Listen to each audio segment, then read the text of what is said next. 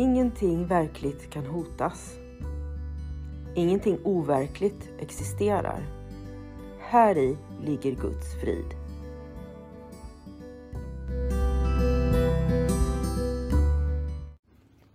Mitt namn är Magdalena Wiklund och den här podden handlar om hur jag fann frid.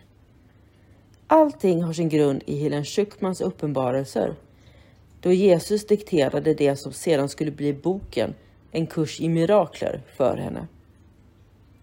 Jag kommer att referera både till kursen och till Bibeln eftersom Helen fick så mycket förklarat för sig av Jesus om hur vi egentligen bör tolka Bibeln.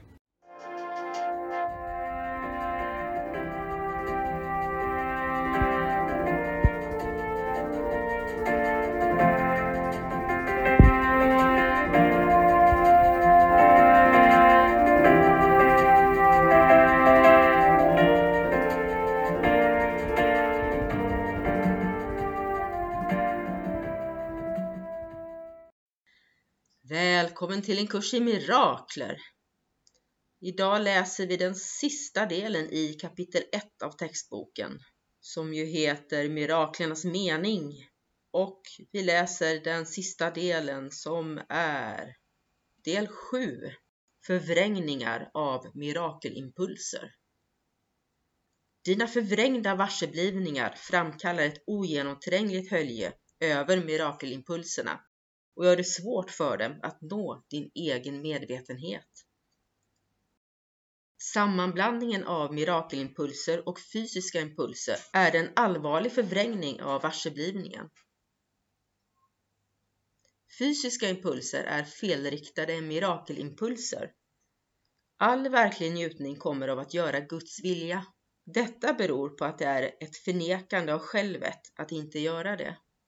Att förneka självet leder till illusioner medan en rättelse av misstaget för med sig befrielse från det.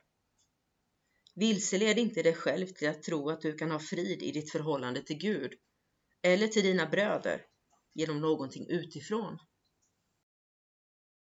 Så det här första stycket säger mig att svaret på allting, alla frågor, allting jag någonsin undrat över tvivlat på, ifrågasatt finns inom mig och bara inom mig. Och vi har ju pratat tidigare i podden om att kroppen, vårt sätt att varsebli kroppen, inte är korrekt. Och här säger vi att våra fysiska impulser är en allvarlig förvrängning och att det är lätt att blanda ihop de fysiska impulserna med mirakelimpulser. Så lusten att göra någonting rent fysiskt döljer möjligheten till mirakler. Så våra fysiska impulser är felriktade mirakelimpulser. Den här förvrängda varseblivningen vi har, det är det som gör att någonting lägger sig som ett täcke över våra mirakelimpulser. Och det uppfattar jag som att det blir hämmande för oss. Vi människor vi tror ju väldigt mycket på kroppen men all njutning kommer av att göra Guds vilja och har alltså ingenting med kroppen att göra. Och anledningen till det här det är ju att vi förnekar oss själva om vi inte gör Guds vilja. Vi förnekar vårt själv därför att vårt själv är en del av Gud. Det är den delen av oss, den enda delen som finns. Och det är det som är en del av Gud som gör oss till Guds son. Och när vi förnekar det här, då, det är då vi hamnar i illusioner. Men illusioner kan ju rättas och då blir vi befriade från dem. Och enda sättet att få frid är att bli befriad ifrån illusionen och se inåt. Det enda som kan ge oss frid i förhållande till Gud eller våra systrar och bröder är att rätta misstaget, rätta illusionen och se att vi är en del av Gud. När våra impulser blir korrekta, det är då vi också får miraklerna i våra liv. Guds barn, du skapades för att skapa det goda, det vackra och det heliga. Glöm inte detta. Guds kärlek måste ännu en liten tid uttryckas genom en kropp till en annan eftersom det sanna seendet fortfarande är så otydligt. Din kropp kan du bäst använda för att hjälpa dig att vidga din varseblivning så att du kan uppnå verkligt sant seende, vilket det fysiska ögat inte är i stånd till. Att lära sig göra detta är den enda sanna nyttan med kroppen. Så här pratar vi verkligen om kroppen. Du är Guds barn. Du är skapt för att skapa det goda, det vackra och det heliga. Du är fullkomlig. Kom ihåg det. Men vi måste uttrycka oss genom kroppen därför att vi har inte utvecklat vårt sanna seende ännu. När vi har utvecklat vårt sanna seende tillräckligt, då kommer vi att lägga ifrån oss kroppen när den inte behövs längre. Men så länge vi har en kropp så kan vi använda den för att ändra vår varseblivning, för att göra den större, mer tolerant. Och det är det som så småningom kommer att hjälpa oss att uppnå det verkliga, sanna seendet. Och det har ju ingenting att göra med vår kropp eller våra ögon. Det är det enda kroppen är till för, så låt oss använda den på ett fint och kärleksfullt sätt för att vidga vårt seende. Fantasi är en förvrängd form av det sanna seendet. Fantasier av alla slag är förvrängningar eftersom det alltid för med sig att varseblivningen förvanskas till overklighet. Handlingar som härrör från förvrängningar är bokstavligen reaktionerna hos dem som inte vet vad de gör. Fantasi är ett försök att kontrollera verkligheten utifrån falska behov. Förvanska verkligheten på något sätt och du varse blir på ett destruktivt sätt. Fantasier är ett medel för att göra falska associationer och försöka få glädje av dem. Men även om du kan varse bli falska associationer kan du aldrig göra dem verkliga annat än för dig själv. Du tror på det du gör. Om du erbjuder mirakel kommer du att vara lika stark i din övertygelse om dem. Styrkan i din övertygelse kommer sedan att stödja övertygelsen hos den som tar emot miraklet. Fantasier blir totalt onödiga allt eftersom verklighetens helt tillfredsställande natur blir uppenbar för både givaren och mottagaren. Verkligheten går förlorad genom intrång som leder till tyranni. Så länge en enda slav finns kvar och vandrar på jorden är din befrielse inte fullständig. Ett fullständigt återupprättande av sonskapet är den mirakelsinnades enda mål. Och jag ska börja med att säga att i det här stycket så står orden förlorad och slav inom citationstecken. Vi är ju inte slavar och vi är inte förlorade. Verkligheten är inte förlorad. Verkligheten är det enda som finns. Och vårt slaveri är vår egen illusion. Om det är liv, den illusion som vi har gjort. Men texten talar till oss utifrån våran illusion. Det är som att prata med ett barn. När ett barn vill leka så säger vi inte ja, vi kan leka, men du vet att du är bara ett barn. Du är egentligen inte mamma, pappa och jag är inte ditt barn eller din hund eller vad du nu vill att jag ska vara. Det gör vi inte, utan vi går in i barnets lek till 100% och spelar med. Jesus går in och spelar med här också. Han spelar med oss för att pratar vårt språk på en nivå som gör att vi kan förstå honom. Men han säger också att fantasi är en förvrängd form av det sanna seendet. Så alla våra fantasier är någon form av förvrängning som har sin grund i att vi vill känna glädje. Och det är klart att om jag går till mig själv så kan jag känna att när jag fantiserar så gör jag det därför att jag är uttråkad. Att jag vill vara någon annanstans. Det vill säga jag vill känna glädje. Det är ett försök att kontrollera verkligheten utifrån falska behov. Och kontrollera verkligheten, ja, jag vill ändra på verkligheten. Och falska behov, ja, jag tror mig ha behov som jag ju inte har egentligen. Vi läste ju illusionen om behov. Som Guds barn har vi inga behov, men vi inbillar oss att vi har dem, så vi har falska behov och skapar fantasier för att tillfredsställa de här falska behoven av lycka. Trots att vi redan är lyckliga, egentligen. Och Att förvanska verkligheten på det här sättet är att varsebli på ett destruktivt sätt.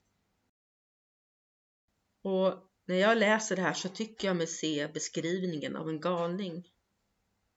Man gör falska associationer och välja att tro på dem. Det du tror på, det gör du och det du gör, det tror du på. Och som du säkert vet, en fantasi är bara en fantasi, den går aldrig att göra verklig. Tänk vad mycket tid, jordetid, som vi inbillar oss finns, som vi slösar bort på att fantisera och på att göra meningslösa saker istället för att älska våra bröder och systrar. Det är meningslöst. Men å andra sidan, om vi erbjuder varandra mirakler så kommer vi också att bli lika starka i vår övertygelse om dem som vi är om våra fantasier. Så att istället för att slösa bort tiden på fantasier så kan vi lägga tiden på Gud, på våra systrar och bröder. Och när vi gör det kommer vi bli otroligt starka i övertygelsen om miraklerna. Och den här fasta övertygelsen kommer att smitta av sig till andra människor som tar emot våra mirakler. Och då blir ju fantasierna helt onödiga. Och slutligen i det här stycket så står det att så länge en enda slav finns kvar och vandrar på jorden är din befrielse inte fullständig. Ett fullständigt återupprättande av sonskapet är den mirakelsinnades enda mål. Och det här är en beskrivning av ettheten. Vi är ett. Därför kommer det aldrig räcka att tänka bara på sig själv. Vi måste tänka större. Vi är ett. Det står att vi allihopa måste bli fullständigt befriade, fullständigt återupprättade för att sonskapet ska bli fullständigt återupprättat. För vi är ju ett med varandra. Detta är en kurs i att öva sinnet. All inlärning innebär uppmärksamhet och studier på någon nivå. Några av de senare delarna av kursen vilar i så stor utsträckning på dess tidigare avsnitt att det krävs ett noggrant studium av dem. Du kommer också att behöva dem som förberedelse. Utan denna förberedelse kan du bli alltför rädd för vad som ska komma för att kunna använda det på ett konstruktivt sätt.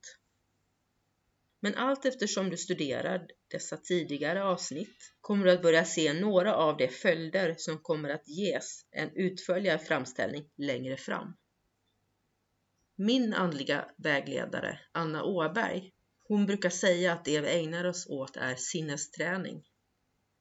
För det här är ju, precis som det står här, en kurs i att öva sinnet. Och övning, det tillåter att man så, så att säga misslyckas med jämna mellanrum. Det är så vi uttrycker oss i världen. Går det inte bra, försök igen. Men det kräver också någon form av studier och uppmärksamhet.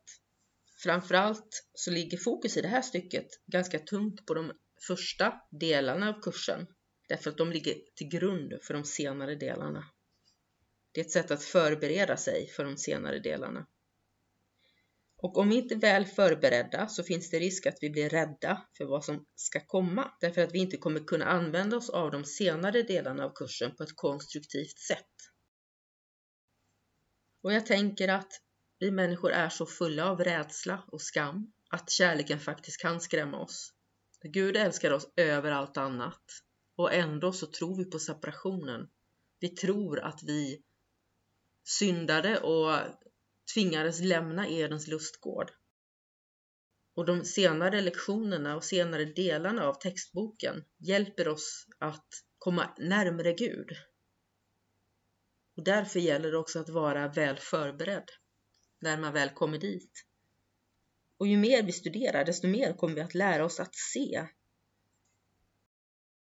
En fast grundval är nödvändig på grund av den sammanblandning av rädsla och vördnad som jag redan har nämnt och som så ofta görs.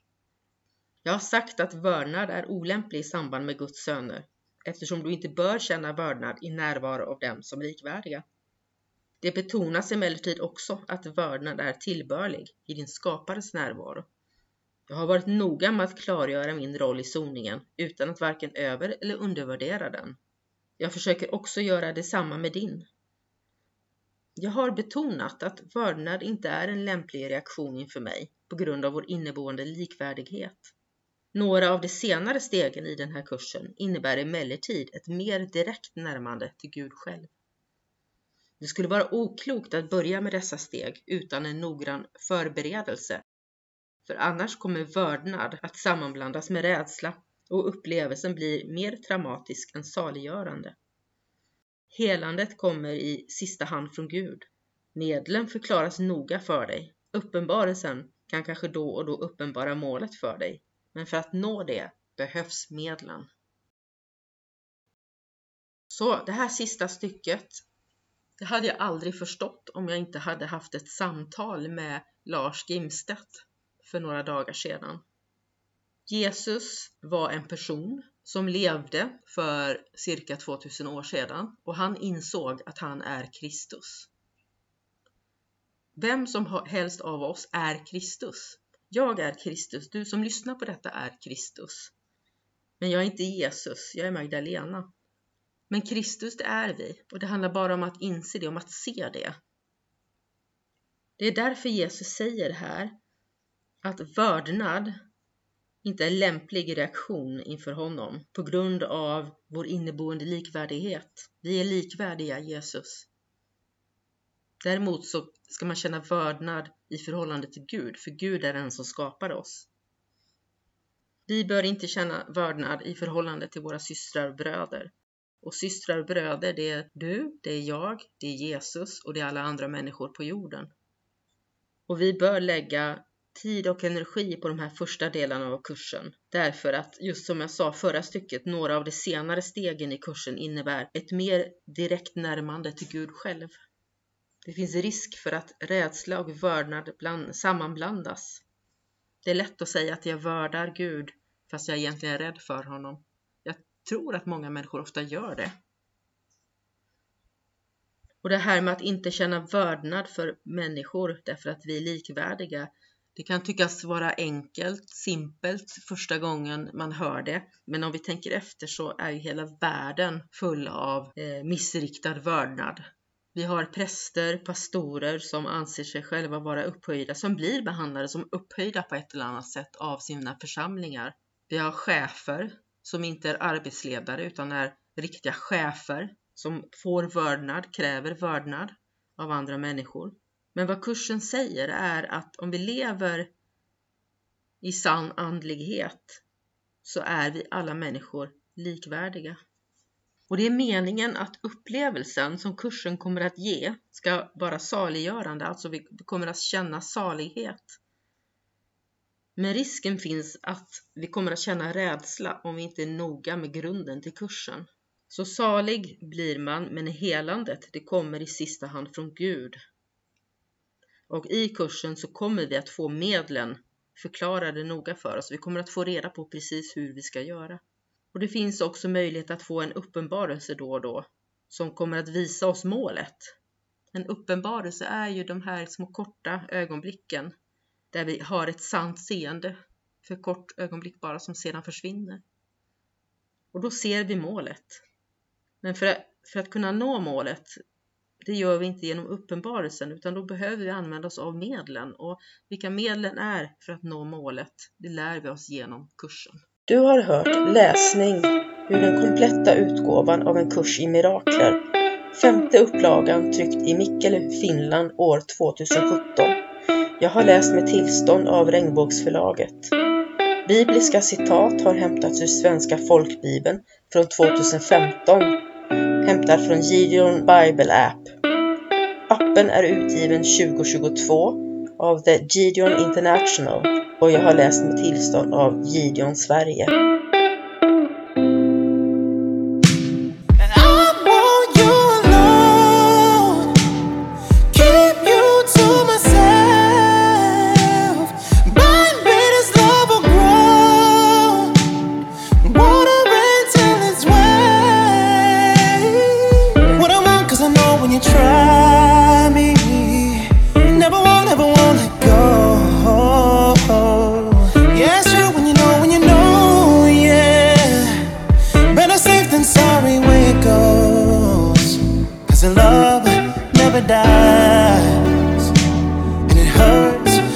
time.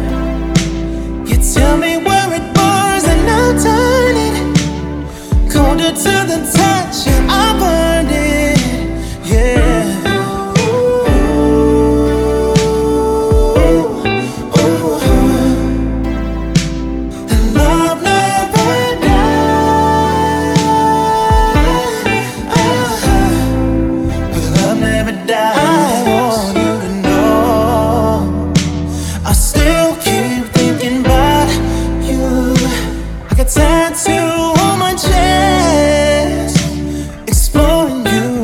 snare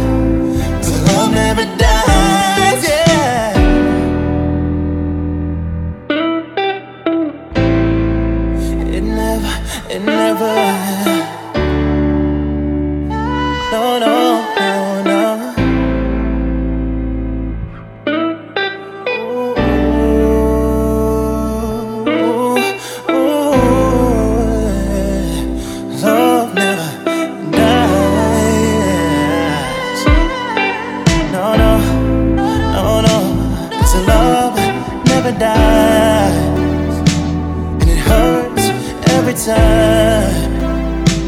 You tell me where it burns and I'll turn it colder to the touch.